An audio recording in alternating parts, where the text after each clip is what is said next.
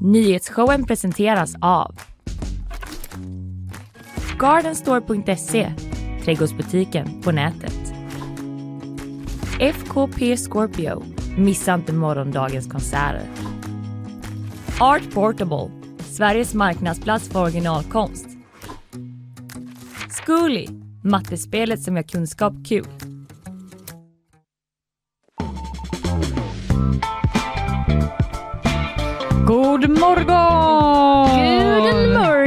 Som man brukar säga. Ja. Du lyssnar på nyhetsshowen live från GP-huset tisdag den 5 september. Ja, vilken dag! Vilken underbar dag. Det är ju jag, Fanny Wijk och du. Linnea Rönnqvist. Ja, som är här på plats i studion eh, denna dag. Och idag ska jag prata om eh, skattepolitik.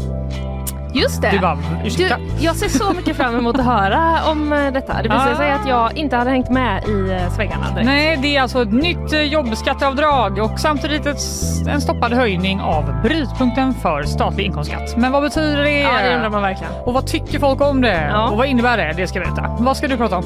Du, jag ska prata om svenska Johan som har suttit fängslad i Iran i över 500 dagar. Ja, Nyheten som kom liksom igår och spred sig över alla Sveriges medier direkt. ja, att vi inte har vetat om det här. Mm. 500 dagar ändå. Mm. Det är ett tag.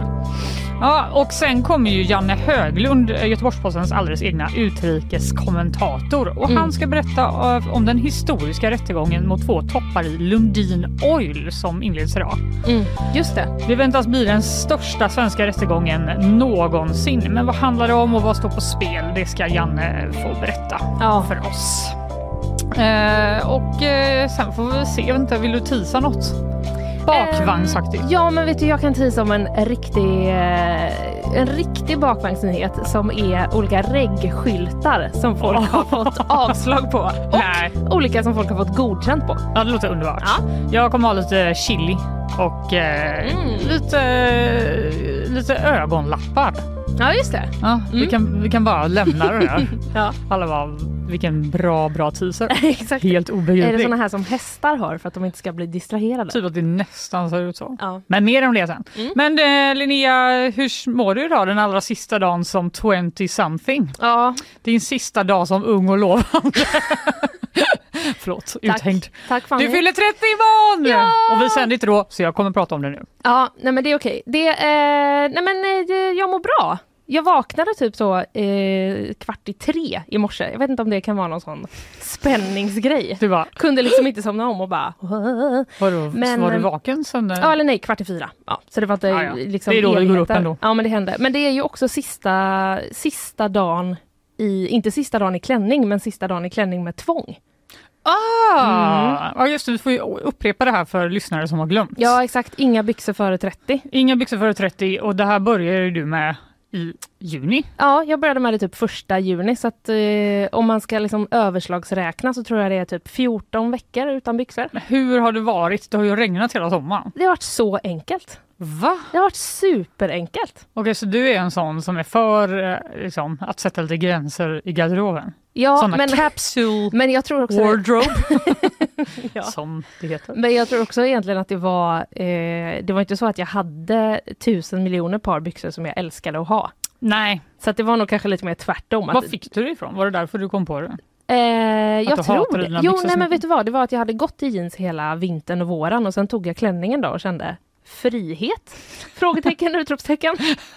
och så vill jag liksom inte stänga in mig igen. Vi får väl se om du kanske får lite fler nya fina kjolar då när du fyller 30 nu. Ja, Ja, det kan ju hoppas. Så kan du köra det hela vintern.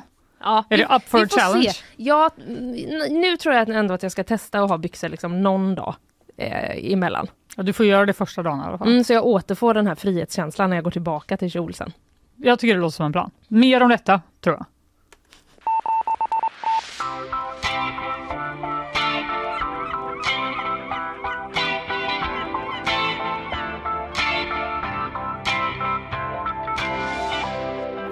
Mm, nu ska det handla om eh, mystiska rekryterings-sms. Ja, Den senaste tiden har flera svenska telefoner fått det här smset. Rekryteraren Emma från ett bolag vid namn Careerstar söker svenskar för ett deltidsjobb som går ut på att hjälpa apputvecklare. Oj vad mystisk det är en stämning! konstig sms-signal. Det var, jag har snott det här ljudet från eh, SVT. Ja. Eh, här. Så det var de som hade lagt på den här spännande musiken också. Mm. Men är det här något eh, du vet något om Fanny? Jag har fått ett. Mm. Det var inte exakt eh, ordagrant, men det var samma grej. Att det var så här, "Re- nu ska vi rekrytera folk och så var det jag och massa främlingar i en grupp. Så det blev Mm. direkt blockera och radera. Ja, jag gjorde faktiskt samma sak. Jag ångrade det lite nu att jag inte hade kvar det så jag Ja. kunde liksom se vad det stod. Men jag gjorde också den klassiska bara så. Det här tar vi bort direkt. Men blir Så man ingen- inte lite misstänksam när man blir ihopparad med främlingar på det Jo, sättet? det blir man ju. Vad, Jag inte vilka ni På är. sms också. Ja, alltså det känns Det lite för privat. Mm. Eh, du, du kan nog ha liksom rätt i att vara lite skeptisk. Det är så? Mm, Mm. Har det visat sig. Jag har fått, ja, men jag tror jag har fått tre stycken sådana här. Va? Och Varför jag- har jag bara fått ett? Ja, Kränkt. det är nog för att du inte är lika attraktiv på arbetsmarknaden skulle jag tro. I'm too old. ja. De bara, vi tar alla under 30. Jag kommer inte få något mer efter imorgon. Eh, Emily har också fått och Isabella har också fått så att vi är många ändå. Wow, vilket gäng vi är tjejer. Ja, exakt. Så jag tar komplimangen helt plötsligt. Precis, om du inte har fått ett sånt här sms, känn dig liksom ensam där ute, du Ja, stackars verkligen. lyssnare.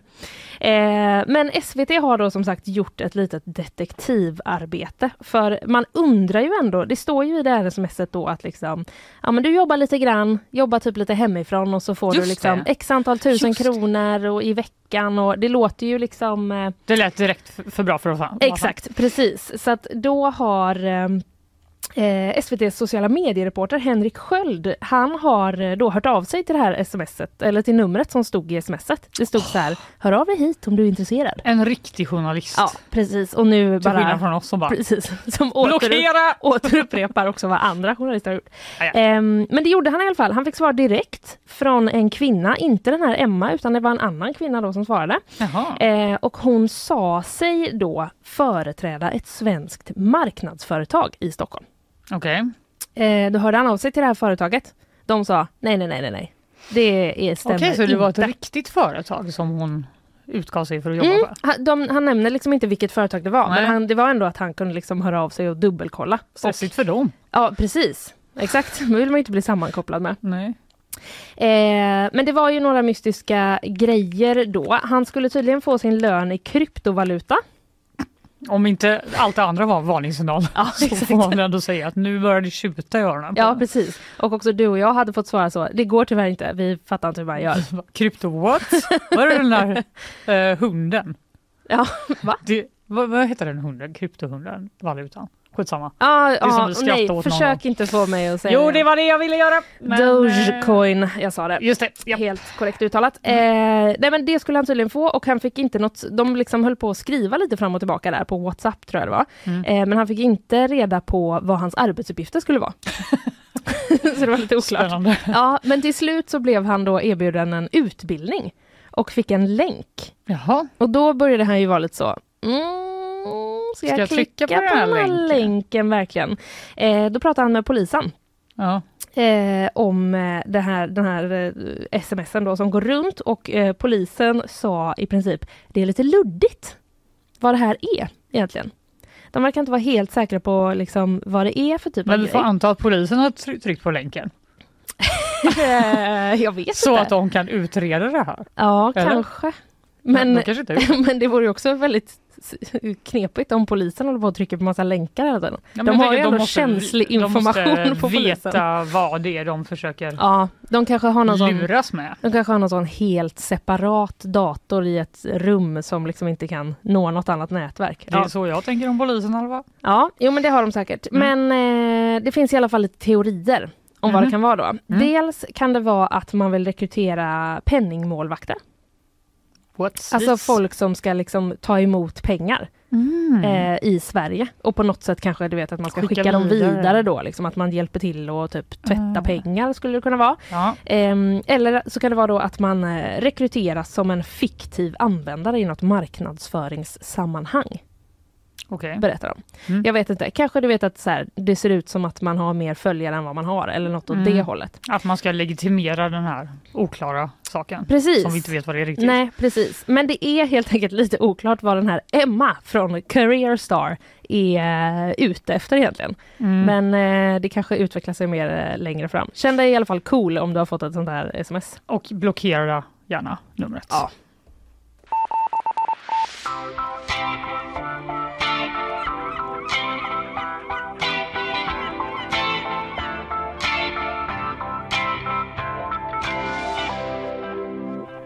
Sommaren är kort och snart är det höstbudget. Ja!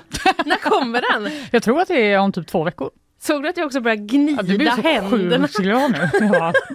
Okej, också en reaktion att ha på det. Men eh, i och med att det närmar sig så kommer ju också lite nyheter nu Mm. då, om vår skattepolitik Mm. som ska föras i vårt land.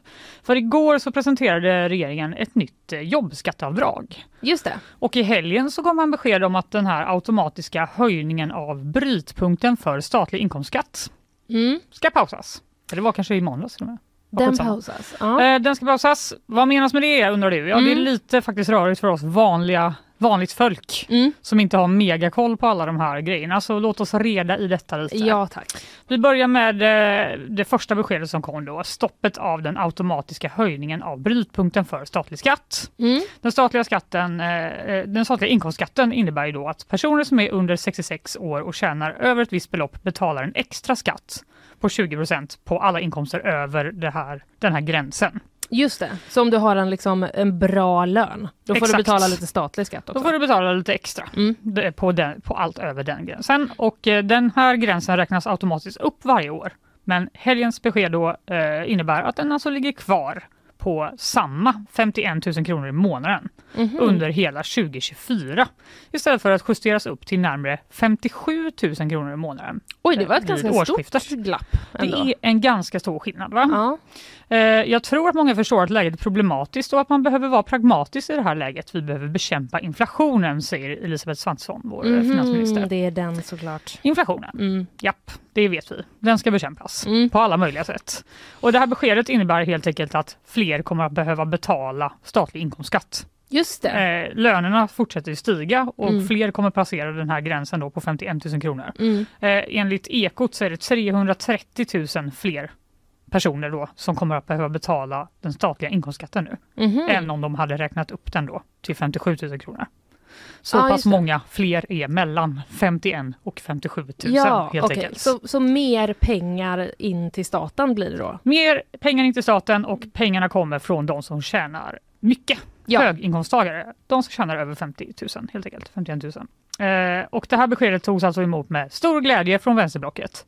Ah, högre skatter för höginkomsttagare. Ja, Jippi! S och MP har till exempel krävt länge att den här höjningen måste stoppas. Den är alltså automatisk i vanliga fall. Då. mm, De har varit så här, hörni det där får ni nog ändå se över va? mm, Det är inflation, det är Mm. svåra tider. Och eh, sossarnas ekonomisk-politiska talesperson Mikael Damberg sa till TT att det är bra att de, alltså regeringen, erkänner att de hade fel och vi hade rätt. Politiker älskar att det håller nog va? regeringen med om, den bara- formuleringen va? Håll käften Mikael! Det sa de givetvis inte. Men samtidigt då kan man ju tänka sig eftersom eh, vänsterblocket blev så glada så blev ju eh, kanske mer från borgerligt håll Mm. lite sura miner. MUFs eh, ordförande Douglas Thor kallar det här för otroligt dumt. Och Benjamin Dosa som är vd för tankesmedjan Timbro och också var ordförande för MUF Ja, visst innan han det. det. Ja. Ja, han är också jättekritisk. Han säger att detta innebär att poliser, barnmorskor och lärare får höjd skatt. Alltså han försöker vara så här, det är inte bara en massa vdar. Aha. Det är ju vanliga Tjänar med- man så mycket som polis och barnmorska? Det gör man kanske Ja, det. det kanske man gör. Jag tänker att det också beror på vad man jobbar för tider och hobby. och Sant, lalala. Man kan sant, komma upp ja. i de summorna. Och även Mikaela Fletcher som är ordförande för Moderaterna i Stockholms län är väldigt kritisk och säger att det här är oerhört dumt. En barnmorska i Stockholm ska aldrig behöva fundera på om det är lönt att ta ett extra pass eller två i månaden för att då kommer man över brytpunkten. Ja, Mhm. hon menar helt enkelt att det är väl bättre att folk jobbar. Det ska löna sig att arbeta. Ja, det känner det. vi väl igen Mm. eh, ändå, det beskedet. Mm. Och eh, i alla fall, den här eh, satsningen helt enkelt, eller eh, vad heter det? Motsatsen till satsningen. Antisatsningen, stoppningen, pausningen av höjningen. Det innebär helt enkelt att regeringen kommer kunna hova in 12 miljarder extra Mhm.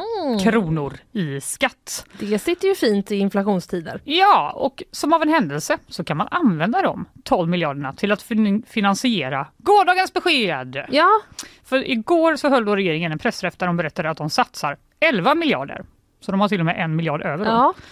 På ett nytt jobbskatteavdrag i höstbudgeten. Målet är, sa vår statsminister Ulf Kristersson och eh, finansminister Elisabeth Svantesson, att det ska bli mer lönsamt att jobba och mindre lönsamt att leva på bidrag. Aha. Många bidrag räknas upp med inflationen. Mm. Och det gäller inte de som arbetar. Vi vill se att låga och medelhöga inkomster får behålla mer eh, efter skatt, sa Ulf Kristersson på den här pressträffen. Aha, låga och medelhöga, just det, för jag tänkte annars blir det ju samma sak. Exakt, det är ju det som är lite att man bara, va? Ja, Vänta lite nu, precis. sa ni inte precis att höginkomsttagare skulle betala mer skatt? Ja, exakt. Men då blir det ju då, vi kommer inte kunna gå in på exakt då hur det här slår Nej, nej, åt nej. olika håll och kanter. Det finns diverse tabeller och uträkningar som Ja, regeringen har gjort för den som härligt. älskar det. Kan vi Linnea. länka till på Instagram Ja, sen. det kan vi faktiskt göra. Eh, Men det man kan säga då är att de som tjänar runt 40 000 kronor är det som, de som får procentuellt störst skattesänkning. Mhm, okej. Eh, Enligt regeringens egen uträkning så kom till exempel en person som tjänar 41 667 kronor i månaden, vet ej varför det var den jättespecifika summan. Eh, Den kommer få 271 kronor mer i plånboken efter det här avdraget Varje per månad. månad. Mm. Ah, 271 kronor. Ja men det är väl eh, två uteluncher. Ja, Lite drygt. Typ. Ja. om man har tur Ja. in this day and age. Men i alla fall, de kommer helt enkelt använda de 12 miljarderna man sparar på att eh, de med högre inkomst Mm. betalar mer skatt och ge det till eh, en skattelättnad för de som tjänar lite mindre. Eh, låter väl väldigt borgerligt? Ja, jag kände just, Mm. har de, eh, okej. ja. ja. Jag skulle ju, alltså om du hade berättat det här för mig och bara bett mig gissa eh, vilka som ville göra så här, Ja, hade jag nog inte gissat. vad har du eh, gissat det. då? Ja, det hade ju gissat andra Kanske hållet. sossarna? Ja, kanske. Ja, för vet du vad? De har nästan ett exakt likadant eh, förslag Jaha. på jobbskatteavdrag. så de är ju superglada. Och eh, allt det här är jätteförvirrande så jag tänker att vi ska lyssna på vad Mats Knutsson säger, Ja. SVTs inrikespolitiska kommentator. Att införa ett nytt jobbskatteavdrag, det vill säga sänka inkomstskatterna för framförallt låg och medelinkomsttagare, det tystar förmodligen en hel del av den interna kritiken inom Moderaterna över att den här regeringen inte sänker skatterna alls. Ja, det, de, han tänker så här, det här andra det är väl bra. De kommer säga så här, det är bra att ni sänker skatter på arbete. Mm. Ni tystar kritiken eh, internt. Men det här andra förslaget då? Det som, Ja. det som eh, de var sura över från början. Med skatteutspelen igår och idag uppnår regeringen flera saker. Beskedet igår att gränsen inte ska räknas upp för när man betalar statlig skatt. Ja, det gör det svårare för de politiska motståndarna, till exempel Socialdemokraterna, att anklaga regeringen för att sänka skatten för höginkomsttagare. Ja, så att de får också tyst på sossarna. Alltså, De får tyst på sossarna och de får tyst på den interna kritiken. Så himla praktiskt. så himla synd bara att Mats Knutsson är där och liksom Han bara, eh, berättar vad som har hänt bakom kulisserna eller vad han tror har hänt. Men exakt. v- ja, det får man ändå säga, smart av dem att eh, välja rätt sak först. Ja, eller hur? eh, och eh, Mats konstaterar också att den här höstbudgeten, det kommer Mm. nog bli lite annan typ av skattepolitik eh, debatt Ja, eh, än vad vi är vana vid Mm. eftersom typ alla håller med varandra. Det finns ju såklart eh, kritiker på, Mm. och, på åt alla håll på Mm. båda de här förslagen. Men ändå om man jämför historiskt med hur det brukar se ut ja när man talar just om skatterna. Va? Ja. Eh, och även i DN så skriver Thomas Ramberg som är deras politiska eh, kommentator att både regeringen och soci- Socialdemokraterna gör sitt bästa för att sudda ut skillnaden i skattepolitiken. Mm. Den politiska kompassen snurrar och i tävlingen om vem som har de borgerligaste skatteförslagen är det just nu jämnt skägg.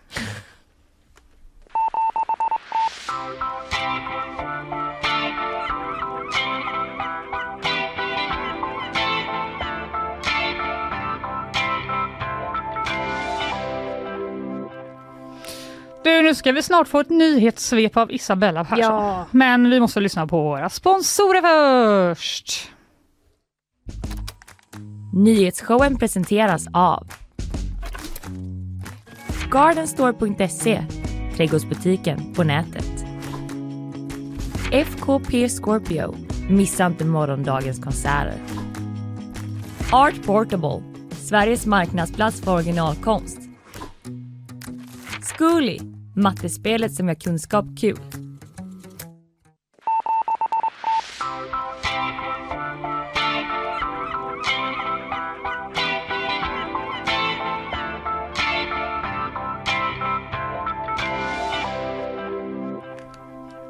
Isabella! God morgon. Hallå. Hur är läget? Det är bra. Det är Ja. toppen faktiskt. Ja, du är så, alltså Ja, du, du skuttar tittade in idag. Ja, det var otrolig energi. Jag, jag sa varför är du så glad? För Nej, men- vi brukar liksom inte eh, kunna uppbringa den typen av energi så tidigt. Det brukar vara lite mer fokuserat. Det brukar vara mer så här, japp nu kör vi. Mm. Ja. Men du bara, tappi rappi da. Ja men jag hade ju sånt flashback moment igår då.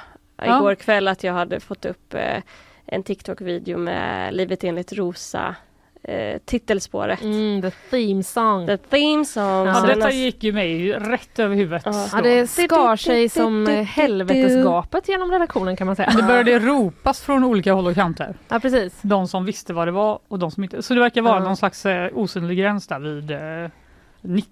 90 kanske. ja. Mm. ja. Mm. Alla som var födda innan 90. Ja. Ja, det, vi Nej, här är ingen koll. Ja, nej men eh, så, vad skönt. Du Så kom att, in, eh, eh, du livade upp. Ja. Det får man ändå säga. Ja det var. Men då är frågan, har det hänt några nyheter då? Det har det gjort. Ja, vi kör. Vi tar det.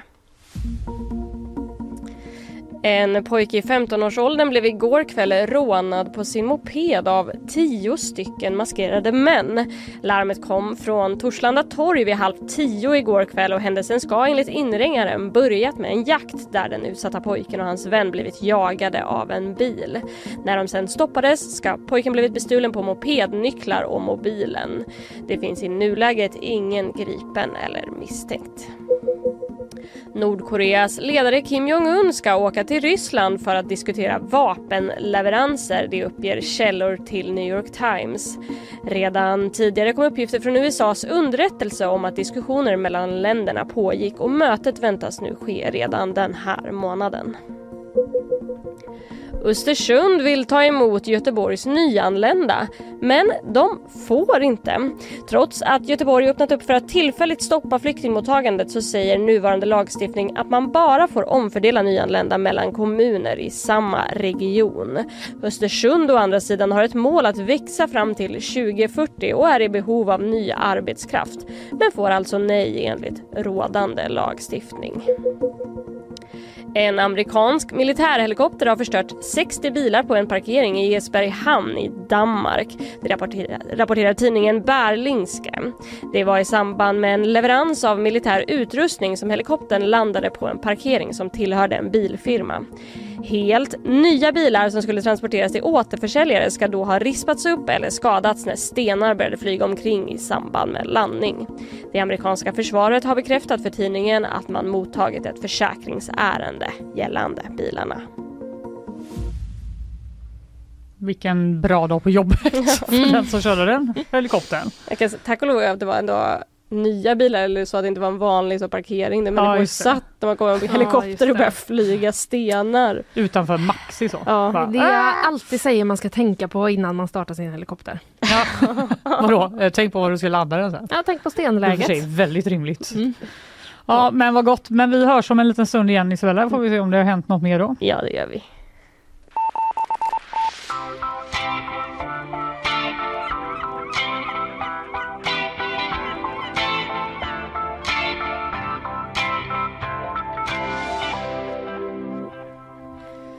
Svenska Johan Floderus har Mm. suttit fängslad i Iran i över 500 dagar. Det var den nyheten som kom eh, igår som vi alla blev lite liksom, eh, ja vad ska man säga, förvånade över. Ja, Kanske. alltså man kände ju lite eh, varför vet vi inte om det här? Om Ja. det har varit så lång tid som har gått. Det måste Precis. väl vara meningen Mm. på något sätt. Det var ju en, eh, en artikel då från New York Times Mm. som var liksom upprinnelsen till att alla svenska medier började skriva om det just igår. Ehm, och vi, ehm, det är faktiskt så här att Expressen har rapporterat om det. När, ungefär när gripandet skedde. Mm. Eh, och även Kalla fakta ska ha sänt eh, ett avsnitt om det här i våras, rapporterar Omni. Jaha, Mm. det var bara vi som hade dålig koll helt enkelt. Det verkar eh, lite så, men det är ju också alltid i såna här lägen svårt att få information. Ja. Det är ju det. Eh, men det handlar alltså då om Johan som kommer från Kungälv och han ska då enligt källor till eh, New York Times ha gripits när han var på en privat semester i Iran. Mhm. Och nu sitter han då på det ökända eh, Wien-fängelset, lite osäker på uttalet där, men eh, i alla fall, det ligger då i eh, Irans huvudstad Teheran. Mm. Eh, och innan han greps så ska han ha haft flera EU-uppdrag. Han ska ha liksom jobbat för EU på något sätt. Mm. Det vet man inte riktigt om det har någonting med det här att göra. Nej. Men så är det i alla fall. Japp. Eh, Omni de har då haft kontakt med UD och då eh, bekräftar Utrikesdepartementet, vårt svenska alltså, att ett gripande då har skett i april 2022. Mhm. Och de säger också att de jobbar intensivt med händelsen, Mm. men de vill inte kommentera uppgifterna i detalj. Nej, som Så det brukar det vara. vara va? Mm. Och det som Expressen kunde berätta då, eh, också i april 2022, alltså när gripandet skedde ungefär, då, det var att eh, Irans underrättelsetjänst hade gripit en svensk medborgare Mm. och de fick då uppgifterna från det iranska informationsministeriet att eh, han hade gripits misstänkt för spioneri. Okej. Och det handlar då om, alltså exakt vad det handlar om vet man ju inte såklart, men, eh, men de, eh, Expressen fick i alla fall uppgifter då om att han ska ha besökt, eh, besökt områden som inte klassas som turistmål Mm. och att han ska ha haft kontakt med både utländska och inhemska personer i Iran som, som också de misstänks för spioneri. Okej. Det fick eh, Expressen då från informationsministeriet. Eh, men Ekot har nu igår då pratat med Ruspe Parsi som är eh, programchef vid Utrikespolitiska institutet och han har en eh, annan teori om varför Johan greps. Jo, men det är ju gisslandiplomati som är den troligaste förklaringen. Det vill säga att vi pratar om ytterligare ett fall av någon som tas för att kunna bli ett kort man kan spela ut för att få hem någon. I det här fallet då Iran som vill få hem någon eh, som av politiska skäl de absolut vill ha tillbaka. Mm. Gisslandiplomati, Ja, det är ett ord va? mm. Ändå. ett nytt begrepp eh, för mig. Ja, verkligen. Alltså man har ju, känner igen eh, tillvägagångssättet. Ja. Jag visste inte att det var så det hette. Nej precis, ja, att det, att det var liksom uttalat. Nej. Eh, han utvecklar lite, vi lyssnar lite mer. Man kan säga att under åren så har vi sett flera olika skäl till varför de gör så här. Det kan, man kan ha fått till fångutväxlingar för att få in pengar. Eh, så då har man släppt dem av det skälet. Då försvinner helt plötsligt alla de här anklagelserna om spioneri och så vidare. Eh, men det som är oftast så att säga, mest ihärdigt det är just detta med att det sitter iranier någonstans som de vill få loss. Eh, och då gäller det att plocka åt sig personer från det landet eller som på något vis kan användas som påtryckningsmedel för att få det landet att släppa den här personen. Mm. Och det här säger han också då är något som liksom har blivit vanligare på senare tid. Ja. Mm. Till exempel, eh, ett exempel då på det här med eh, gisslandiplomati så var det så att USA slöt nyligen ett avtal med just Iran Mm. om att eh, fem amerikaner skulle friges Mm. i utbyte då mot 6 miljarder dollar i undanhållna iranska oljeintäkter och att iranska fångar i USA skulle släppas. Okej. Det har då skett. Eh, Det, ja, det var ändå något att be om, så att säga. Ja, jo men precis. Eh, vi här, eh, våra kollegor på nyhetsredaktionen har också haft kontakt då med eh, Johans familj Ja. här i Sverige. Och de skriver till oss då att han eh, plötsligt och helt utan grund blev eh, frihetsberövad då under en semesterresa och att de då eh, såklart är djupt oroade och förtvivlade. Ja, det kan man ju verkligen förstå. Ja, de skriver också eh, så här. Vi vet att många arbetar hårt för att få honom fri och vi är tacksamma för det. Samtidigt är varje dag en enorm prövning för oss och framförallt för Johan. Han måste friges och få komma hem omedelbart. Ja. Det förstår man ju. Eh, fy, Ja, vad verkligen. eh, hemskt. Ja. UD har som sagt då bekräftat att ett gripande har skett. De vill inte ge några detaljer men eh, de säger helt enkelt att de jobbar intensivt med händelsen. Mm. Okej. Ja, vi får väl se. Vi hoppas att eh, vi får en god uppdatering om detta snart.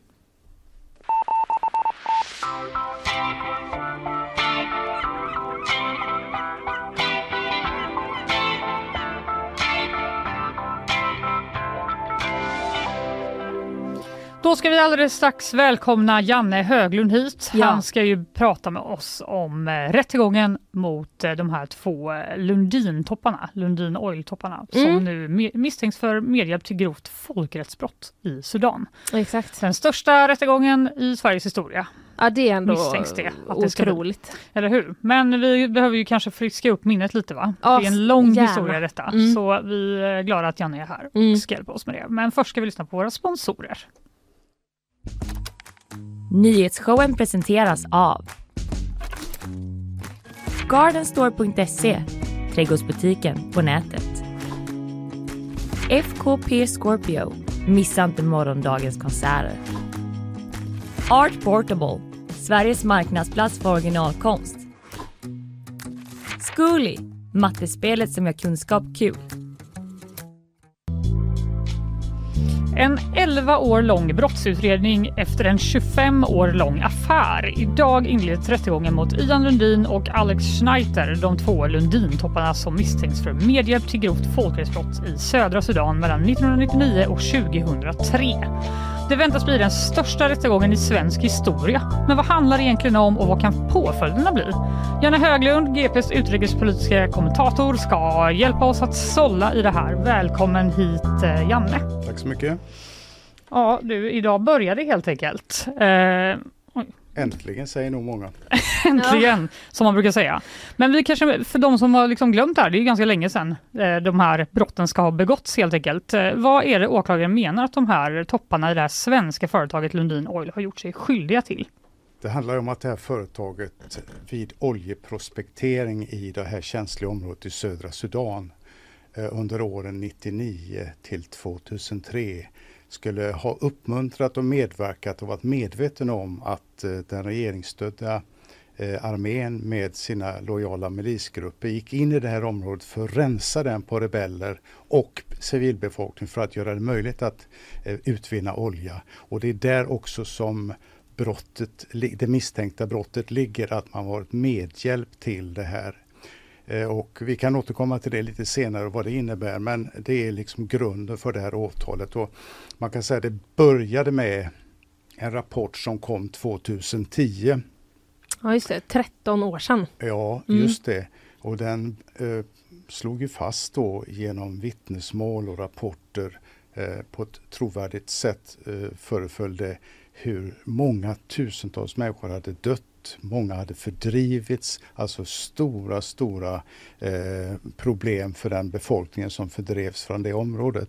Det ledde till att man från polisens och åklagarmyndighetens sida började uppmärksamma detta, men inte bara utan även journalister började uppmärksamma det på ett speciellt sätt. Bland annat så åkte en kvinnlig journalist ner och skrev en bok som hette Olja och blod hos eh, just om Lundins verksamhet där nere. Så det var väl så det började och sen har det fortsatt under de här åren. Mm. Vad, vad, kan man, ehm, om vi tar liksom eh, Lundin Oil, själva företaget, för många är det nog bara känt som, ja det är den här skandalen som var och det börjar bli länge sedan nu liksom. Men vad, vad, vad är det de, eh, vad är det de gör eller vad var det de gjorde? Vad var mm. deras affärsidé liksom? Guts give uh, uh, fram, vad heter det? Alltså om man har eh, guts så kommer man få framgång. Det här mm. företaget mm. Lundin Oil det skapades av en man som heter Adolf Lundin. Och hans verksamhet var som ett litet bolag gå in i områden där de stora bolagen inte egentligen gick på grund av att det var risker, det var farliga områden. Eh, och han gick in i många tveksamma områden där det fanns eh, rebellgrupper, det fanns auktoritära regimer, apartheidregimen till exempel. Sen utvecklade man detta mer och mer och vann framgång och sen just då på 80-talet, 90-talet och och 20-talet så var man väldigt aktiv i de här väldigt känsliga områdena i Afrika där det fanns mm. stora potentiella eh, naturresurser men samtidigt väldigt stora konflikter och etniska spänningar och inbördeskrig. Eh, och I detta läget gick man alltså in där nere. Man såg en möjlighet att tjäna pengar med hjälp av regimerna som kunde stödja dem. Men samtidigt så hade det en konsekvens då. Mm. Ja, för det här med medhjälp till krigsbrott, hur ovanligt är det att liksom ansvariga för ett företag åtalas för något sånt? Det är väldigt ovanligt. Det har inte skett egentligen på allvar i någon större eh, utsträckning sedan andra världskriget och Nürnbergrättegångarna. Eh, det har skett att företagare av olika har, har dömts för den här typen av brott, bland annat eh, för att ha försett Saddam med kemiska medel som sedan användes eh, i massakern mot kurder i Halabja. Eh, men på det här sättet har det inte skett och det gör ju också att det blir väldigt uppmärksammat internationellt. Va? För att eh, det här har en principiell betydelse, en prejudicerande betydelse som sänder en väldigt tydlig signal till företag att går ni in i konfliktzoner så har ni också ett ansvar, var medvetna om det. Just det, så vi har världens eh, ögon på oss nu. Exakt, och det är väl det rättegången. viktigaste kanske med den här rättegången, att den uppmärksammas på det sättet att det är ett, ett känt internationellt företag som har jobbat i de här zonerna, krigszonerna, där det just nu pågår strider och krig också. Eh, att de kommer att ställas till svars i en domstol. Mm. Sen är ju då utgången en helt annan sak, men det återkommer vi till. Mm. Ja, för vilka är det liksom som är på andra sidan rättegången? Vilka är målsägaren? Det finns i den här eh, rättegången 34 målsägande. Alltså målsägare, det kan man väl översätta med offer i en brottsutredning kan man väl säga. Mm. Och det är personer då som har upplevt saker på plats, förlorat eh, anhöriga eh, som är direkt berörda av detta. Och eh, där har man 34 stycken och många kommer höras i rättssalen i Stockholm efterhand, andra på videolänk. Eh, mot detta står ju naturligtvis eh, tidigare Lundin Oil och de två misstänkta som har sina advokater på sin sida som fördömer den här rättegången som, som ovärdig och oriktig och menar på att den ska läggas ner. Mm.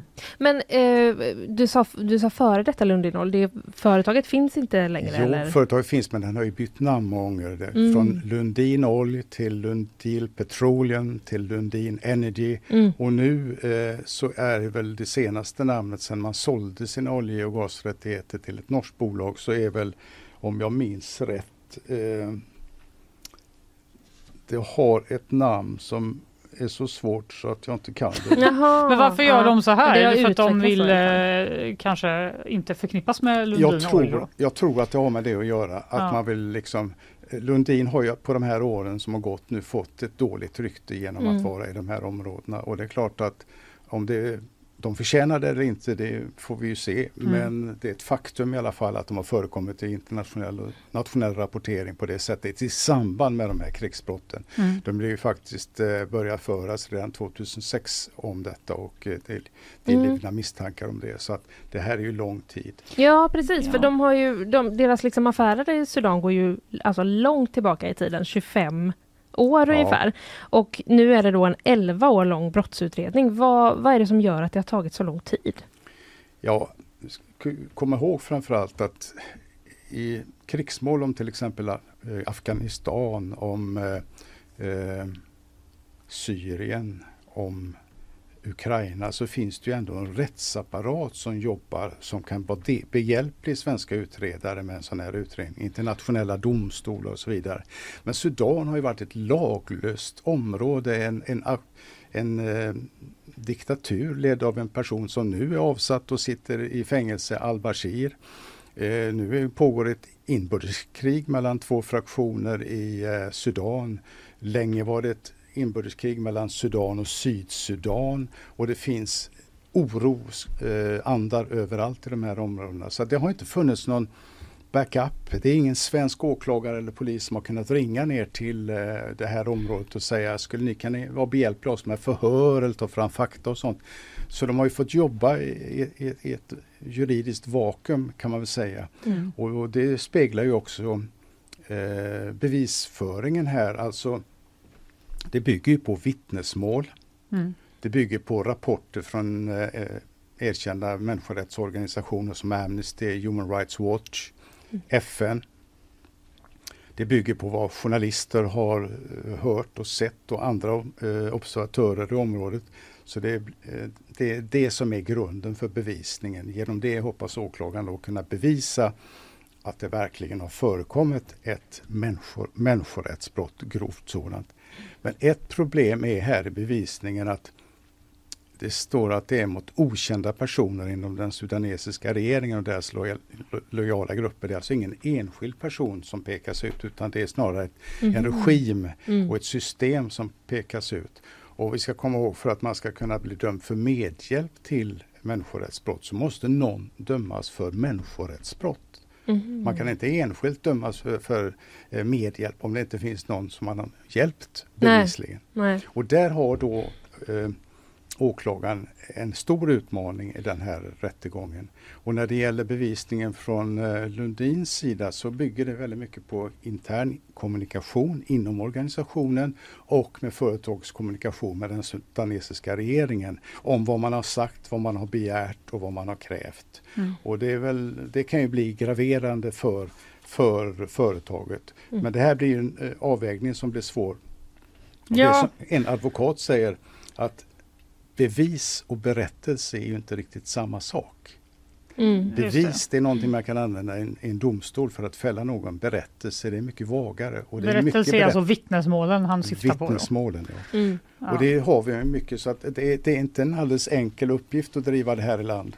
Nej, för de nekar ju då till brott båda de här personerna och Lundins advokat Torgny Wetterberg han har sagt att det här beslutet eh, att åtala dem är uppseendeväckande felaktigt. Mm. Och han menar ju tvärtom att eh, Lundin Oil under sin tid i Sudan istället hjälpte civilbefolkningen i väldigt hög utsträckning har han ja. sagt. Eh, vad kan man säga om det? Vet vi någonting om vad de faktiskt gjorde i Sudan? Alltså som inte redan har läckt ut då med det här åtalet.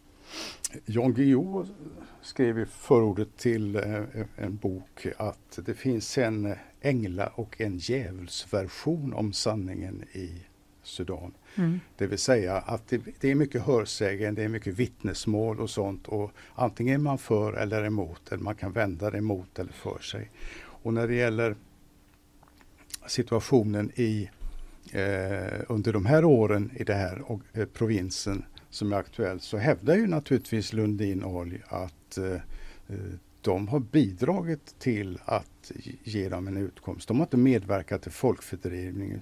Att folk har fördrivits eller flyttat det har ju andra orsaker. Krig, nöd, eh, klimatförändringar och så vidare. Så att de försöker se det så. Jag, låt mig citera vad Carl Bildt, som jag mm. tror ni har hört talas som är inblandad i det här också. Han skrev vårt bestämda intryck är att situationen i området förbättrats sedan vi kom dit. Vi har inte sett några fördrivningar utan tvärtom konstaterat att människor flyttat dit. Och det där är ju mhm. ganska talande för, för just hur man från företagets sida eh, ser på detta. Mm. Och då mm. när det gäller Carl Bildt, för att förtydliga, så var han styrelsemedlem i, i Lundin Oil mellan 2000-2006. Mm. Alltså under den här tiden? Under den här mm. tiden. Så uh, han borde ju haft insyn i vad som har skett men han är inte misstänkt för brott uh, i, i, detta. Det är väl, uh, men han är kallad som vittne? Han kallas som vittne, ja. En av 57 vittnen i den här ja. rättegången. Så ja. även där har de många på sin lista helt enkelt. Jag såg att Carl Bildt idag kommenterade den här processen med ordet bisarrt. Jaha, okej. Okay. Det är många starka ord här, ja, märker man, i, när man pratar två, om det här. Två vitt skilda bilder, låter det som. Ja, eller hur. Och vi har ju konstaterat det många gånger nu sedan du kom in här i studion, men det är en väldigt, väldigt eh, stor brottsutredning och eh, det, de här förhandlingarna i Stockholms tingsrätt, som alltså inleds idag då, planeras att pågå fram till februari 2026. Ja. Vilket då gör att det blir den längsta rättegången i, som har hållits i Sverige. Men vad, vad riskerar man för straff då om de nu eh, skulle dömas? Ja, jag kan ju bara tillägga det att du, det är ännu värre än så för att eh, om det nu blir en dom i vintern 26 mm. då kommer den med all sannolikhet överklagas. Mm. Och då är vi inne på tidigast 2028 så det här är ju inte slut på något sätt. Nej. Straffen som det pratas om i eh, alltså grova människorättsbrott det är ju livstid i straffskalan. Mm. Men medhjälp det är naturligtvis ses ju inte lika hårt. Men så vitt jag vet har åklagaren ännu inte nämnt någonting om vad han yrkar på för straff på följd. Eh, vad vi vet det är ju att det är väldigt stora skadeståndskrav. Målsägarna kräver 110 miljoner av de här två herrarna. Mm. Och staten, Åklagarmyndigheten, har nu höjt sitt eh, krav på, på, på företaget till 2,4 miljarder och något liknande har ju aldrig hänt. Mm. För det eh, kost, har kostat en del att utreda det här också antar jag? Utredningen, så vitt jag förstår så eh, det finns ju två målsägarbeträde som företräder målsägande, alltså offren. Mm. De två advokaterna, deras advokatkostnader uppgår hittills till, om jag fattade rätt, till 9 miljoner. Eh, det här kommer sluta, notan kommer sluta på flera hundra miljoner bara för själva rättsprocessen. Så mm. det här är en enorm, enorm historia. Sen om eh, till exempel då eh, Lundins, eller de här två personerna skulle frias, då kommer de ställa skadeståndsanspråk på staten. Så det blir ju Mm. enorma pengar det handlar om. Mm. Mm. Det är inte i närheten av eh, över än då, även om rättegången eh, börjar idag. Den sparkar igång idag men Mm. det här är bara början på en väldigt lång process. Men det, det kan ju sluta med att de hamnar i fängelse helt enkelt. Det kan det definitivt göra för att eh, döms de och det anses då bevisat bortom all rimligt tvivel så eh, är det definitivt så. Mm. Miljonär, miljardär riskerar fängelse helt Ja. enkelt. Eh, det var vi inne på också i början, men om de döms, vad tror du att det kan ha för eh, konsekvenser? Kan det liksom motivera fler åtal mot företag som har verksamheter i konfliktzoner?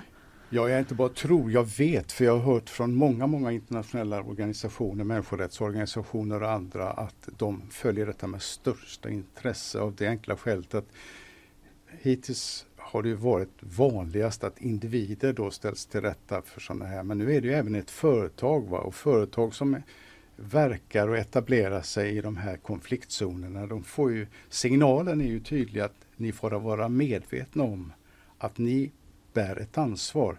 Och låt mig citera hur eh, den internationella brottmålsdomstolen eller internationella juristkommissionen definierar det här brottet.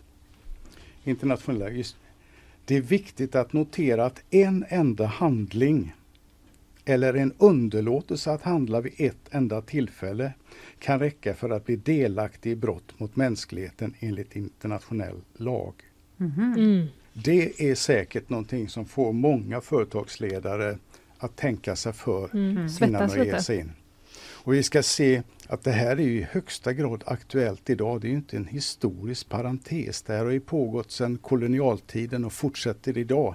Mycket av den oro vi ser i Afrika idag, i Centralafrikanska republiken, i Niger, på- även Mali och andra håll. Det bygger ju på att internationella aktörer, företag, individer eller stater som inne och ut, tillsammans med auktoritära regimer eh, försöker ta tillvara på de naturresurser som finns. För de är väldigt stora och knappa och viktiga idag. Mm. Det har vi ju sett. Wagnergruppen har vi ju sett som, som en förlängd arm för den ryska regimen.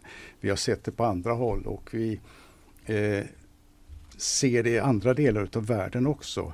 Så att om det är något som kommer gå fram förhoppningsvis så är det till de här företagen och länderna och nationerna att det finns ett ansvar för det ni gör.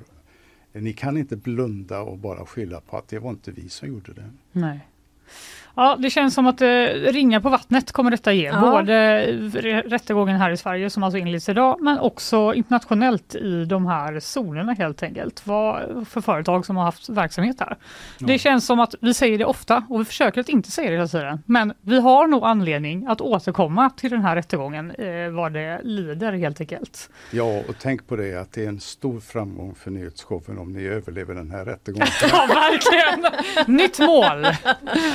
Tusen tack för att du kom hit idag, Janne Tack. Höglund, GPs utrikeskommentator. Tack så mycket. Nyhetsshowen presenteras av Gardenstore.se, trädgårdsbutiken på nätet.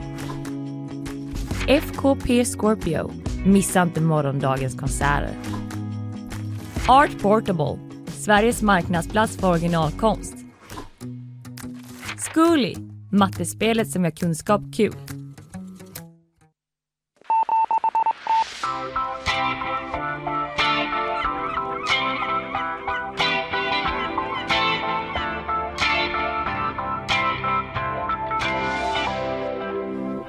Hon är tillbaka!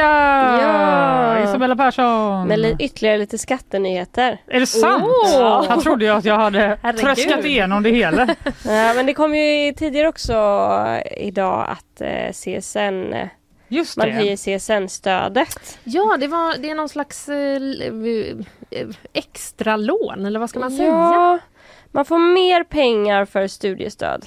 Eh, regeringen skjuter till pengar till CSN för att hantera omställningsstudiestödet. Ja, det är väl det här Mm. att eh, vuxna som har jobbat några år. Som har ett jobb. Ja, och är så här, nej vet du vad, nu vill jag vidareutbilda mig Mm. inom det jag gör eller något helt annat. Mm. Livet är långt, många år ska vi jobba. De skulle ju få ett stöd, Ja. eh, ett extra stöd. Ja. Mm. Som det väl har gått sådär för tror jag. Ja, det har väl varit problem med handläggningen av det har jag för mig. Ja. Typ Ja. att de inte haft tillräckligt inte- med personal. Inte hunnit hantera ärenden. Det visade sig Ja. att väldigt många var sugna Just på det, att ta många sig en liten cash. ville ha det lilla stödet. Ja.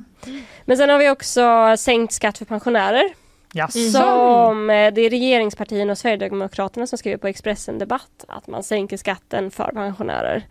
Och som vi också du var inne på, det är svårt att förklara alla detaljer med vad som sker i för varje person då. Ja. Med alla de här skattesatserna. Men, Men en, vill, ni, vill du veta hur det finns. påverkar dig kan du mejla Isabella Persson så tar hon fram exakt. Alla pensionärer! Alla pensionärer som lyssnar på oss kan skicka ett litet mail till Isabella. Men eh, en eh, person med pension på 25 000 kronor får 3 400 kronor mer i plånboken per år. Eller 283 kronor per månad. Mm, det är lite Det var likt lite- eh, Ja. det här. Ett exempel. Ja. Och sen tänkte jag också prata lite om den här nyheten som jag pratade om tidigare i svepet om att Östersund vill ta Göteborgs nyanlända. Ja. Just det. Det har ju rapporterats om tidigare att Göteborg har eh, öppnat upp för att eh, stoppa flyktingmottagandet under en period för att man vill eh, fokusera på nuvarande integrationsutmaningar. ja, just det. Mm. Så då har man skickat ut brev till alla kommuner, eller jag vet inte om man har skickat ett brev men man har i alla fall medlat andra kommuner i regionen eh, och frågat Ett om hjälp. e-brev kanske. Kanske ett, ett så sånt kallat e-brev. e-mail. Ja. eh, men det har varit lite dåligt med svar där. Eh, Mm. Ingen som riktigt har känt att de vill eh, Ingen nappade. Ingen nappade. Nej. Eh, men de hade i alla fall koll på lagstiftningen. Det fanns ju en anledning att de skickade till Västra Götaland. Mm. Kommuner därav. För att lagstiftningen säger att man får omfördela mellan kommuner i samma region. Ah, det är därför Östersund inte... Nu, och ja, precis. Så Ja. Östersund är ute och eh, flaggar nu för att de vill ju ha dem. Mm. Eh, så att ehm, varför är det ens intressant då? De säger det går ju inte. Mm. Men från Östersunds håll så har man börjat uppvakta ministrar. Både förra Jaha. regeringen och nuvarande. För att få till en förändring här i lagstiftningen. Men Mm. gud, det kanske blir Ja. så här då till slut ändå. Ja vi får väl se. Men kanske det Göteborg har kanske så- ett intresse att få den lagstiftningen också om man vill stoppa sitt Ja, mottagande. verkligen. Men eh, också att det fördelas eh, proportionellt i landet. Så det kan ju finnas en sån anledning till att det är begränsat till regioner, att man liksom har en Mm. kvot eh, Mhm. Mm. där det ska fördelas ut nyanlända. Mm. Och sen så tillägger också är att man vid de senaste åren har ju stramat åt migrationspolitiken ganska mycket. Så att i, i antal är det ganska lite det handlar om i jämförelse för, för bara några år sedan. Eh, för sex år sedan så var det över tusen personer som anvisades till Göteborg. Mm. I år har det hittills varit 82 stycken. Oj, Mm. okej. Står det i GPs artikel. Alltså håller de på att bråka om 82 personer? Ja, Ja, ja. Men eh, vad spännande. Det är ju väldigt eh, kul, eller hur Linnea, med politiken. Det dyker Ja. alltid upp någon sån lite så. Ja, det finns en liten, eh, Eller en liten regel. regel som dyker upp lite, lite, lite byråkrati. Exakt. Bara. Och då myser du där borta Rönnqvist. Ja. Mys, mys. Ja. Ja, är det något annat som vi vet som händer idag? Eh, nej men vi har ju Lundin Oil-rättegången som Mm, startar. ja. Det följer vi ju. Sen så har vi att följa där då. I Ja, några år. Precis. Men jag känner att vi har en bra grund nu och vill man veta ännu mer om detta så finns en väldigt matig eh, eh, artikel på g.se nu som eh, handlar om den här rättegången som är skriven av eh, Joel Arvidsson, vår eh, man i Stockholm. Ja, En Mm. kan vi av länka på Den kan vi lägga på Instagram och eller om man vill surfa in redan nu, kasta sig över, veta allt om den här rättegången. Mm. Ja men vad underbart att eh, ha dig här. Ja, Tack för idag Isabella. tack så mycket.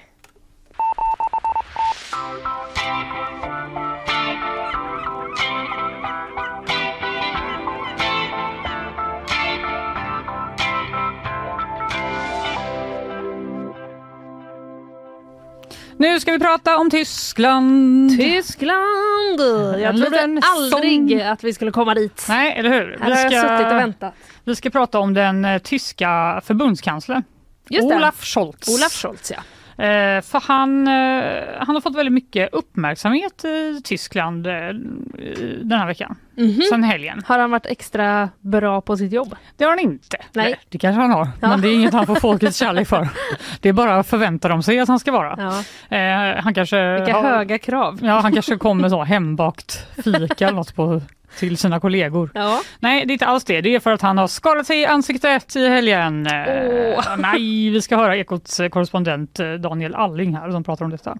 Ja, på sociala medier här i Tyskland är just nu uppmärksamheten mycket stor efter att förbundskansler Olaf Scholz tidigare idag la upp en bild på sig själv med en stor svart lapp för ena ögat och skrubbsår på ena kinden.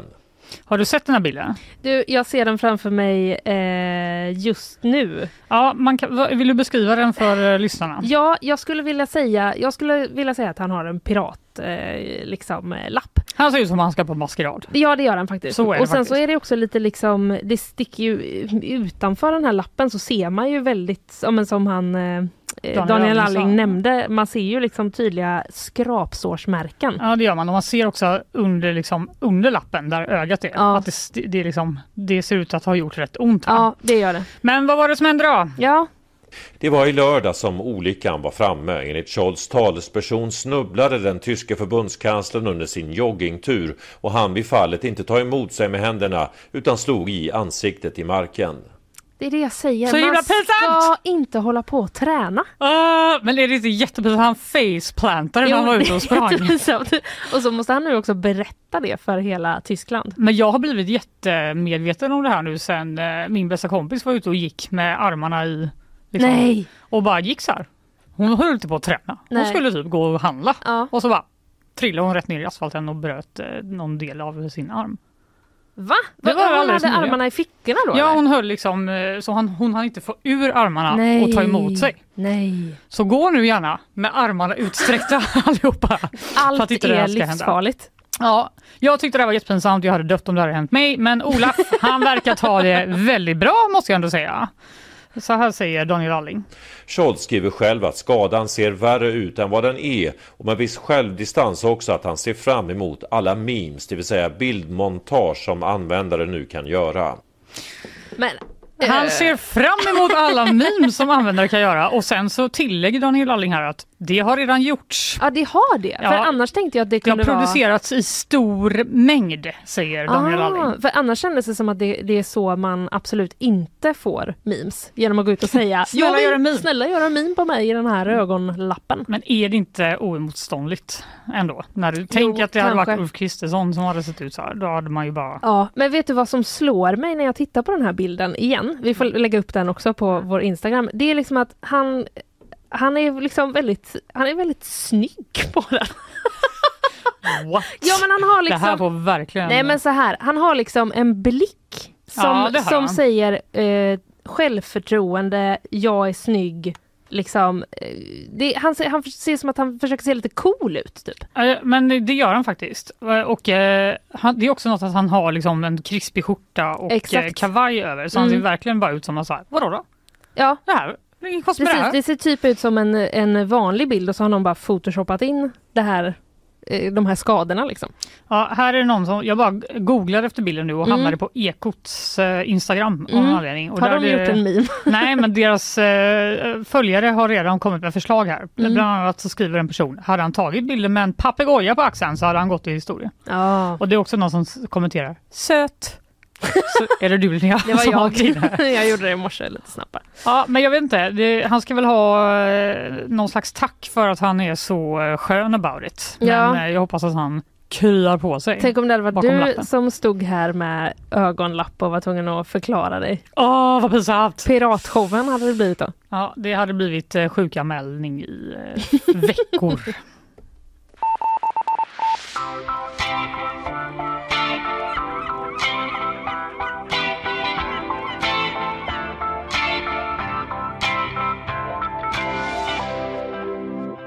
Ja, som eh, jag hintade om lite innan då så ska det nu handla om det omåttligt populära ämnet registreringsskyltar. Ja, alltså jag visste inte att jag var så intresserad som jag var. För när Nej. du sa det så kände jag, berätta mer! Men vet du, allt handlar ju om finns det exempel? Frågetecken. Det är ju då man blir intresserad. Absolut. Mm, Man är ju inte intresserad av att läsa 183 personer ansökte om att få en sån här. Det kostar 1800 kronor. Nej, Ops, påhittade siffror av mig för ett exempel. låter rimligt. Ja, men eh, det är i alla fall på vår egen sajt då, på gp.se som eh, jag läser rubriken Snusk och djävulen toppar listan på nekade reggplåtar.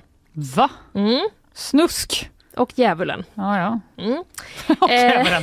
Får inte Ja. glömma djävulen. Nej, det vill jag det då, eh, att vi ska ha med. Det, eh, då eh, läser jag i ingressen så här. Olika varianter av fack 666, alltså siffrorna, och 6 eh, toppar listan över registreringsskyltar som göteborgare önskat sig få men fått avslag på. 180 personliga plåtar fick tummen upp förra året. Det är eh, en sammanställning då av sajten Newsworthy Mm. de har sammanställt eh, detta och eh, det finns lite exempel då. Eh, vill du höra dem eller? Jättegärna. Då börjar vi med eh, de, några som fått godkänt då. Mm. Av vad då då? I ett ord. Avadåda. Ja, alltså av vad då då? Uh, Hänger du svag, med? svag. Svag. Den här då? Knegare. Ja, det, är- det är vad det är. Ja. Göttkäk. Var det mat blir det? Oklart.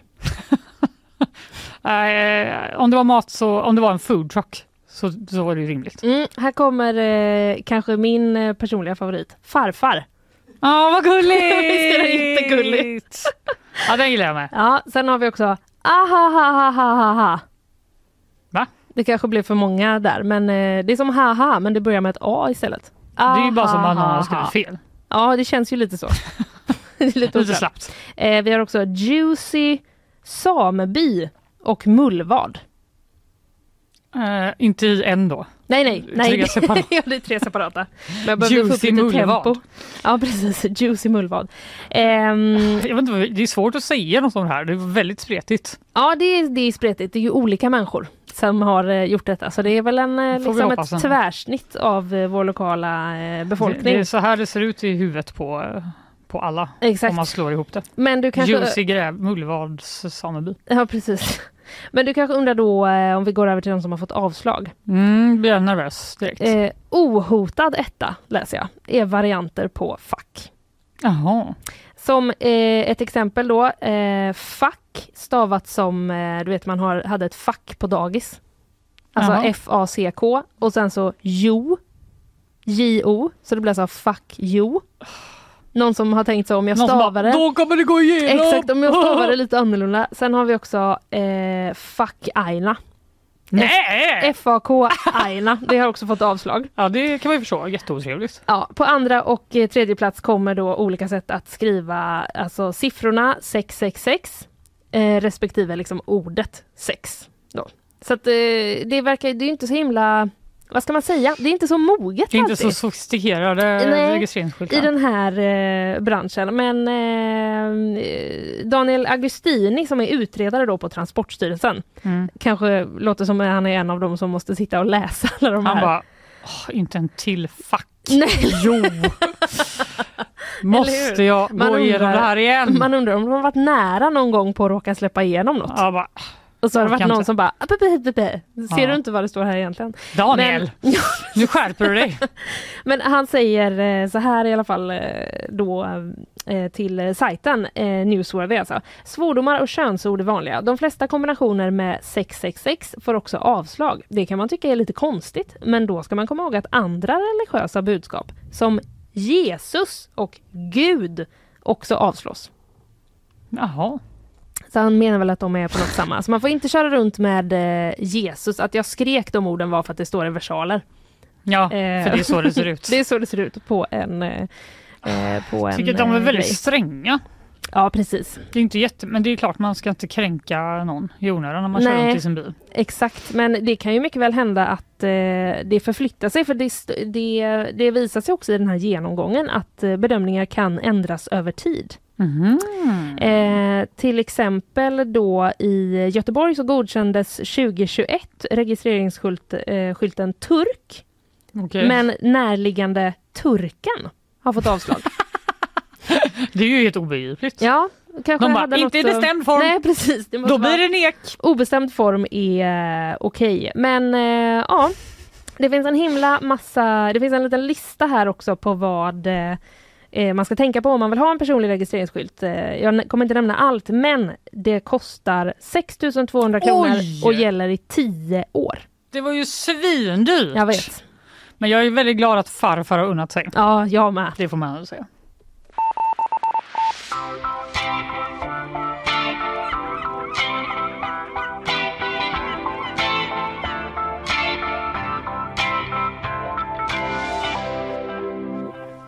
Elever i Lerum åt världens starkaste chili, spydde! Detta läser jag på g.se. Typiskt Lerum. Men det var verkligen Lerums tidning som breakade det här, ska jag vara tydlig med. Ja, det är bra. Det, är bra. Eh, det rör sig alltså om barn på Torpskolan i Lerum som alltså då köpte världens starkaste chili och åt den i skolmatsalen, also known as Bamba. Eh, kan man köpa världens starkaste chili i Lerum hur som Det helst? kan man. Vad Mer om sjukt. det alldeles, alldeles Ja. strax. Men det rör sig alltså om den ökända chilisorten Carolina Reaper. Mm. Det är, bes- den beskrivs i Guinness rekordbok som världens starkaste chilifrukt med en styrka på omkring 1,5 miljoner Scoville-grader Ja, jämfört med vanlig tabascosås som ligger på 2500 till 5000 grader. ja, det är Ja, otroligt. 5000, säg att den är 5000 grader då, då är den Mm. här andra alltså 1,5 miljoner grader. Det är ju Varför utrotar vi inte den chilin undrar, eh, Det undrar jag med. svag, svagmatsperson här. Mm, jag håller faktiskt med. Men det var då ett gäng elever som gick och köpte den här chilin eh, som faktiskt säljs på Hemköp Nej! i Lerum. Det är ju livsfarligt. Japp, eh, och vid lunchtid då i måndags eh, förra veckan så började flera av dem kräkas på grund av den häftiga kroppsreaktionen som orsakas av den extrema hettan i chilin. Eh, Någon hann inte ens på toaletten och kräktes mitt i skolkorridoren. Nej. Jag pratade med vår sk- skolsjuksköterska och hon sa att det är ju inte alla som tål sånt. Har man astma kan man få andnöd så det var ju ett roligt skämt för några men inte för alla konstaterar skolvärden Jimmy Olsson. Ett Nej, roligt Janne skämt. Olsson. Ja, det var ett roligt skämt för några men inte för alla. Typ de som fick andnöd och spydde rätt ut i korridoren var det inte så roligt för. Ja, ja, men det var inte ett prank utan det var att elever gick och köpte och så åt de Nej, medvetet. så här är det att det pågick någon slags ryktespridning först. Aha. Som var så här, någon hade lagt det i maten. Men det Aha. har eh, rektorn gått ut och sagt att så var det inte. Utan tack. alla som har ätit den har gjort det. Ja, Medvetet, de har trott liksom. att de vet vad de gör i alla fall. Ja, just det. Åh Eh, gud, ja, det var ju tur. Ja, de spydde på toaletterna, en fick andnöd och vi fick skicka hem en som blev dålig, säger då skolvärden Janne Olsson. Eh, Och han säger också att det var någon som hade tänkt till och sagt att man ska dricka mycket mjölk. Så det gick åt en hel del mjölk i matsalen den dagen. Ett liksom litet sidoproblem man inte riktigt såg komma. Då. Nej, precis. Men eh, som sagt, den här chilin säljs alltså på Hemköp i Lerum. Ja, Och eh, de har nu fått sätta en eh, 18-årsgräns på den här chilin. man hade det på känn. Mm, eller hur? Vi tog in den i butiken och spjutade upp den mot en vägg. Ursäkta? Ursäkta. Spjutade och de sålde kastade- den. De liksom kastade en De chili och så Ja, vi fick många glada tillrop från vuxna att det var jävla kul att få testa den. Nej, jäkla kul säger han. Eh, Fredrik Lindqvist är det som säger detta Mm. eh, på Hemköp i Lerum Mm. till Lerums tidning. Eh, men ja, nu har de helt enkelt fått inse begränsningarna och vara så här. Mm, för de, först var de den här skolvärden, Mm. Janne, Mm. han vandrade helt enkelt ner till Hemköp och sa så här, ursäkta men this just in. Ja. De spyr och får andnöd och skolsjuksköterskan säger det här var inte så kul för alla va? Nej. Och Och, då var de så här- vet ni hur mycket mjölk vi har blivit av? Ja exakt, vi har inte råd med det här. eh, och då så var väl de så här, ska vi ta bort den här? Det Ja. kanske inte var så smart. Mm. Men sen kom någon smart på då, 18-årsgräns. Ja, Då kan åtminstone föräldrar liksom Precis. vara kan, de, kan få, godkänna. de kan få spy hur mycket de vill och dricka jättemycket mjölk. Ja det kan de verkligen Mm. få, det är ingen som kan hindra dem. Eh, och eh, ja, helt enkelt Tyvärr är det för sent för er som är under 18 och lyssnar på det här att åka hit. Mm. Men det finns också de som tycker att det här experimentet var supertoppen! Va? Japp, P4 Göteborg har nämligen pratat med Mick Johansson. Han eh, jobbar på Extreme Foods Okej, jag och är anar alltså vart en, det här eh, barkar. en lover av det här problemet, eh, eller problemet, eh, lover av det här chilin och verkar inte se något problem med att de här barnen ska få äta den, så här säger han till P4 Göteborg. Det är ett grymt bus för fan. Det är, jag menar, det är ju det man gör som barn. Ett bra bus är ju inte bra om det inte gör ont. Då är det ju inget bus. Nej, Aj! det här var ändå nyheter för mig. Ja, det var det faktiskt för mig med. Det är inget bus om det inte gör ont. Nej. Det kan det väl vara? Ja, Eller är det så att någon måste få ont jag tänker genast på typ så tejpa över vattenkranen. Gör inte ont. Så det gör ju inte så ont. Men det är väldigt irriterande. Ja, det, sätter det är väldigt irriterande Det är faktiskt. väldigt irriterande. P4 Göteborgs reporter i alla fall står på sig. Ja. Det handlar ju ändå om barn, Mick. Ja. Har du ingen förståelse för att det kanske inte var så kul för dem? Det är liksom, man måste lära sig att det gör ont att äta stark chili. Vet du, det kan jag i och för sig verkligen hålla med om. Nu har ju de barnen lärt sig att man inte kan springa runt med en Carolina Reaper hur som helst Eh, och och vifta. Vifta i bamba med Nej, det. nej, nej. Nej, alltså han har kanske en viss poäng men eh, han är så fruktansvärt glad bara. Han är ju superglad ja. Alltså har, har du hört någon? Det är ju nästan Isabella Persson-mode på honom när han bara ja. Vilket roligt skoj! Men jag vet inte, hur känner du? Eh, Kommer du eh, ta ditt bett? Aldrig i livet. Nej, jag känner verkligen Det detsamma. skulle bli det sista jag gör. Kräkas och domna av av att man har ätit någon... Förstöra en hel liksom, eh, eftermiddag. Ja, vet du vad? Du slipper verkligen.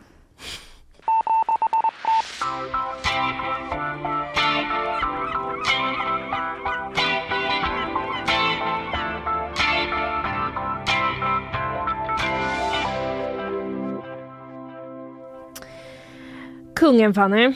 Vad, vad har han nu ställt till med tänkte jag säga. Taskigt. Nej. Han har inte ställt till med något. Nej, har han bara varit, firar eh, ju. Ja, han har ju bara fyllt år tänkte jag säga. Det har han inte heller gjort. Men Eh, 50 nej. år på tronen. 50 år på tronen, exakt. Det var ju för övrigt, slog vi väl fast häromdagen, att eh, kungen firar 50 år på tronen samma dag som prins Daniel fyller 50 år. Ja, Daniel. Alltid i skymundan. Ja, men han har i alla fall fått en eh, dokumentär på SVT ju. Ja, det har han fått. veckan. Det är inte alla som får det. Men nu har kungen också fått en och den är i tre delar. Till skillnad från Nej! Daniels som var en timme lång. Ja, ja. Buhu Ja, ja. Eh, kan man säga Mm. eh, på det. Det är ju eh, regissören Karin av Klintberg. Mm. Hon gjorde ju också en biofilm om kungen som vi pratade om i våras. Ja, som Caroline Widenheim hade var här och pratade om. Precis, Mm. exakt. Eh, nu kommer den då i en version som är en eh, dokumentär i tre delar på SVT Play. Oj! Mm. Känner du peppen likt Meghan and Harry på Netflix-serien? Alltså så här, det är ju inte riktigt samma kaliber måste jag erkänna. Svaret är nej. Svaret är nej. Mm. Svaret är nej. Men kommer jag ändå se den? Absolut. Oj, oj, oj. Det kommer jag göra. Ja. Eh, första avsnittet finns redan nu på SVT Play för den som är Mm. intresserad. Dokumentärserien Kungen och eh, jag då. Mm. Men eh, i det tredje avsnittet Mm. som inte har släppts än. Mm. Och där avslöjar kungen ehm, Ja, ska vi bara ta och eh, lyssna kanske på vad det är han avslöjar? Hur var det för kungen att se sin som förstfödda dotter i ögonen? Det är lika bra att erkänna. Jag var inte, jag var inte närvarande för jag var någon annanstans. Och, eh, Jaha, under födseln? Ja, ja. Ah. Det är ingen en bra, stor idé att, att vara med. För mig i alla fall. Jag hade inte kunnat hjälpa till. Jag är dålig på det. Eh, Varför är kungen dålig på det? Det är därför jag är det. Och, Menar du i eh, kungens personlighet eller vadå? Ja. Ja, men han är dålig på att hjälpa till i sin personlighet. Alltså jag är typ i chock över det här. Va? Är du, vad känner du? Vad tänker Det du? jag känner är för det första, var han verkligen tvungen att erkänna det? Jaha. För det andra, han är så himla tyken. Men jag tänkte lite ja, jag är det. Typ sluta Ja. ställa dina dumma frågor. Tror du inte att han känner lite skam typ? Att det är därför han reagerar så kort kanske? Mm, Det lät inte som att han var jätte... Han var mer såhär, vad ska jag göra? Ja. Jag kan inte... Jag kan inte hjälpa till med det. Nej, det var roligt också hur han sa så. Jag är inte så bra på att hjälpa till. Han var, det har jag aldrig behövt. Pigg jag kung. Nej, precis. Men han var helt enkelt inte med Han var under... någon annanstans. Ja, han var inte med när eh, hans eh, tre barn eh, föddes. Det är det han eh, Han var inte med avslöjar. någon gång. Nej, Nej, okej. han var inte med under sina barns förlossningar. Men det framgår inte om han var liksom på krogen eller om han var på så här jätteviktigt Nej. kungligt uppdrag i eh, något eh, annat land. Nej precis, det här är ju bara det korta lilla klippet som har, eh, som Ah, har ja, kommit ja. ut än så länge. Att tredje delen är ju inte publicerad ännu på SVT Play. Men han var helt enkelt inte med. Och sen så är det i klippet också lite frågor om så här, hur har det gått att kombinera liksom att vara monark och att vara pappa? Mm. Han då- bara, "Eh, är jag pappa? Nej. Frågetecken. Nej. Nej men han säger, jag tycker, tyckte lite synd om honom nu. Han Nej. kan ta det. Ja, jo det kan han ju självklart. Eh, men då säger han i alla fall att eh, ja, men det kanske inte har gått så jättebra. Liksom. Att det har varit svårt. Och så kommer han också in på att så här, de har ju haft liksom barnflicka. Mm. Och eh, så säger han att liksom, ja, men det har ju varit liksom, det har ju varit en bra hjälp men det har ju också gjort att han inte har spenderat så himla mycket tid med sina barn när de var små. Nej, Liksom. för de hade någon annan som tog hand om dem. Mm. Ja, det är ju lite hemskt faktiskt. Men det var en annan tid. Det, var, en ändå. annan tid, precis. Jag tror Det inte att prins det Daniel hade inte sagt jag är inte så bra på det. Hon löste det själv. Nej precis, Det- han var nog, eh, om vi får gissa i alla fall. Jag tror han var nog, eh, extremt med. närvarande. Ja, precis. Jag tror han gick alla sådana profylaxkurser och eh, annat. Han kanske har i sin personlighet att han är bra på att hjälpa till. Ja, det känns han också som. Ja. Va, nu är det bara fördomar, men positiva fördomar. Precis. Om prins Daniel som delas här.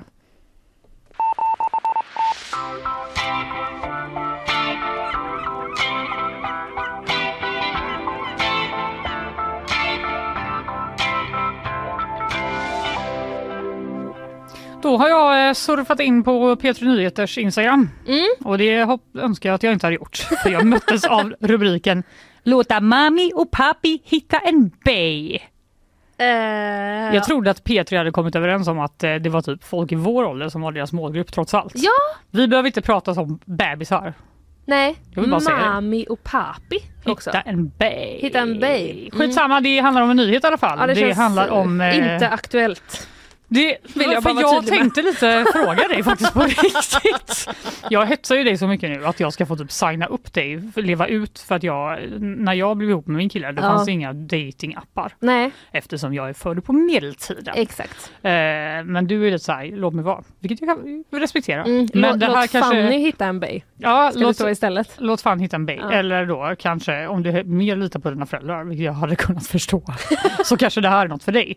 För det är nämligen i eh, staden Osaka i Japan. Mm. Där har man börjat med en ny sorts matchmaking. Mhm. Det är en grupp föräldrar då som har börjat scouta livspartners åt sina vuxna barn, rapporterar CNN. Undra hur mycket det är för att barnen gärna vill. Nej, det är ju, undrar man ju verkligen. Ja. Men de ses då på mingelträffar. Alltså, vem är det som skrivit det? På mingelträffar möts päronen och Nej. säljer in sina barns presentationer och potential som framtida bay. Okej. Ja, du fattar. Poängen är att de ses och är så här. Ha, eh, min dotter i alla fall, hon, eh, hon har ett radioprogram.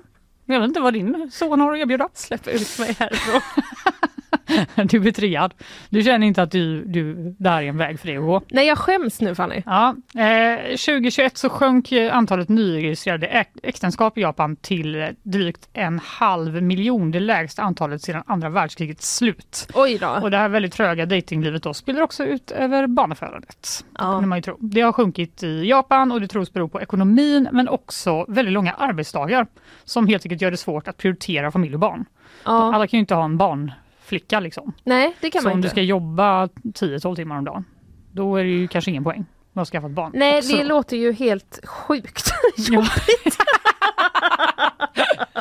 Det blir inget med det. Nej.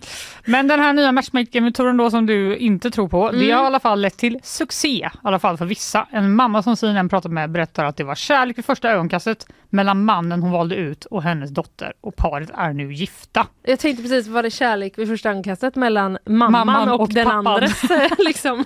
Gud pinsamt. Ja. Det var inte bara ni som blev kära, även vi. Oh, komplicerat. Ja. Eh, barnen slipper de pinsamma konversationerna som ibland blir ihågkomna i flera år i förhållandet, säger mamman, utan att förklara Aha. vad hon menar med det. Ja, och barnen måste bara komma ihåg de pinsamma konversationerna eller föreställa sig som deras föräldrar troligen hade med Ja, varandra. det blir ju liksom om dubbelt så pinsamt. Men tänk också vad speciellt att få berättat för dig om någon som du kanske då ska gå på en dejt med och så är Ja. det liksom din mamma och pappa som berättar för dig så här.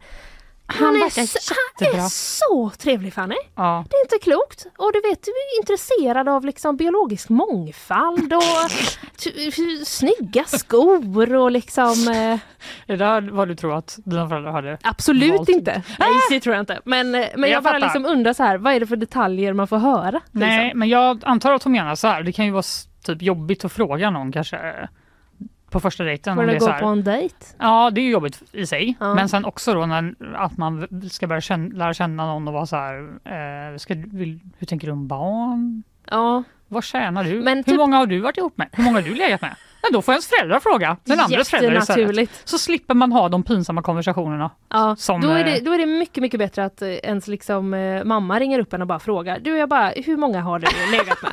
Säg det lite snabbt nu bara, för jag är på andra linjen här med. Ridå.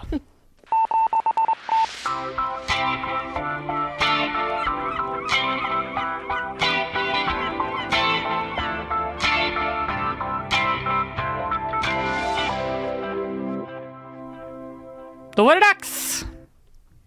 Varför är du tyst? Djurens djurnyheter Jag tror att jag vet det Det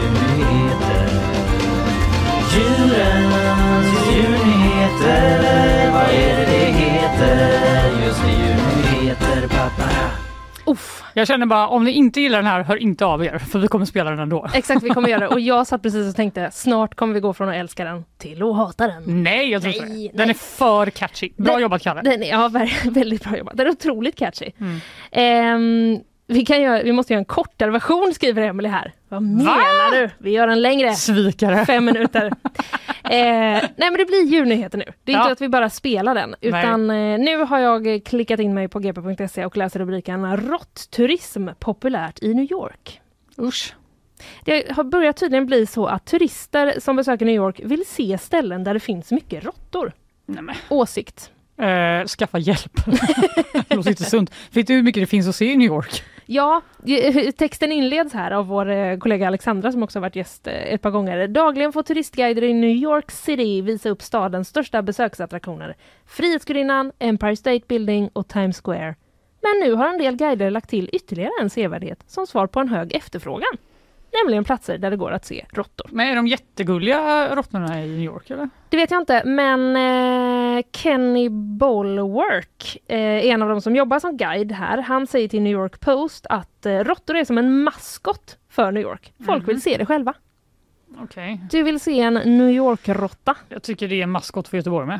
Men det är inte svårt att få sy- syn på en råtta här inte. Nej, det, Det är bara att ta en promenad genom stan. Ja, ibland blir man lite chockad eh, faktiskt. Men han, eh, Kenny har i alla fall då lagt till, eh, bör- börjat nu liksom lägga till extra sena turer på kvällarna. Mhm. Som då är skräddarsydda för att ge folk den bästa chansen att se råttor springa runt på gatorna i jakt efter mat. Va? Ah. Jag förstår inte det här. Jo, och vet du vad? Nu kommer ännu en svängning. Jaha. Han livesänder det här på TikTok. Va? Ja. Kenny? Det gör Aha. han. Uppemot 10 000 personer åt gången tittar när han då eh, livesänder bilder på råttor som springer runt i stan.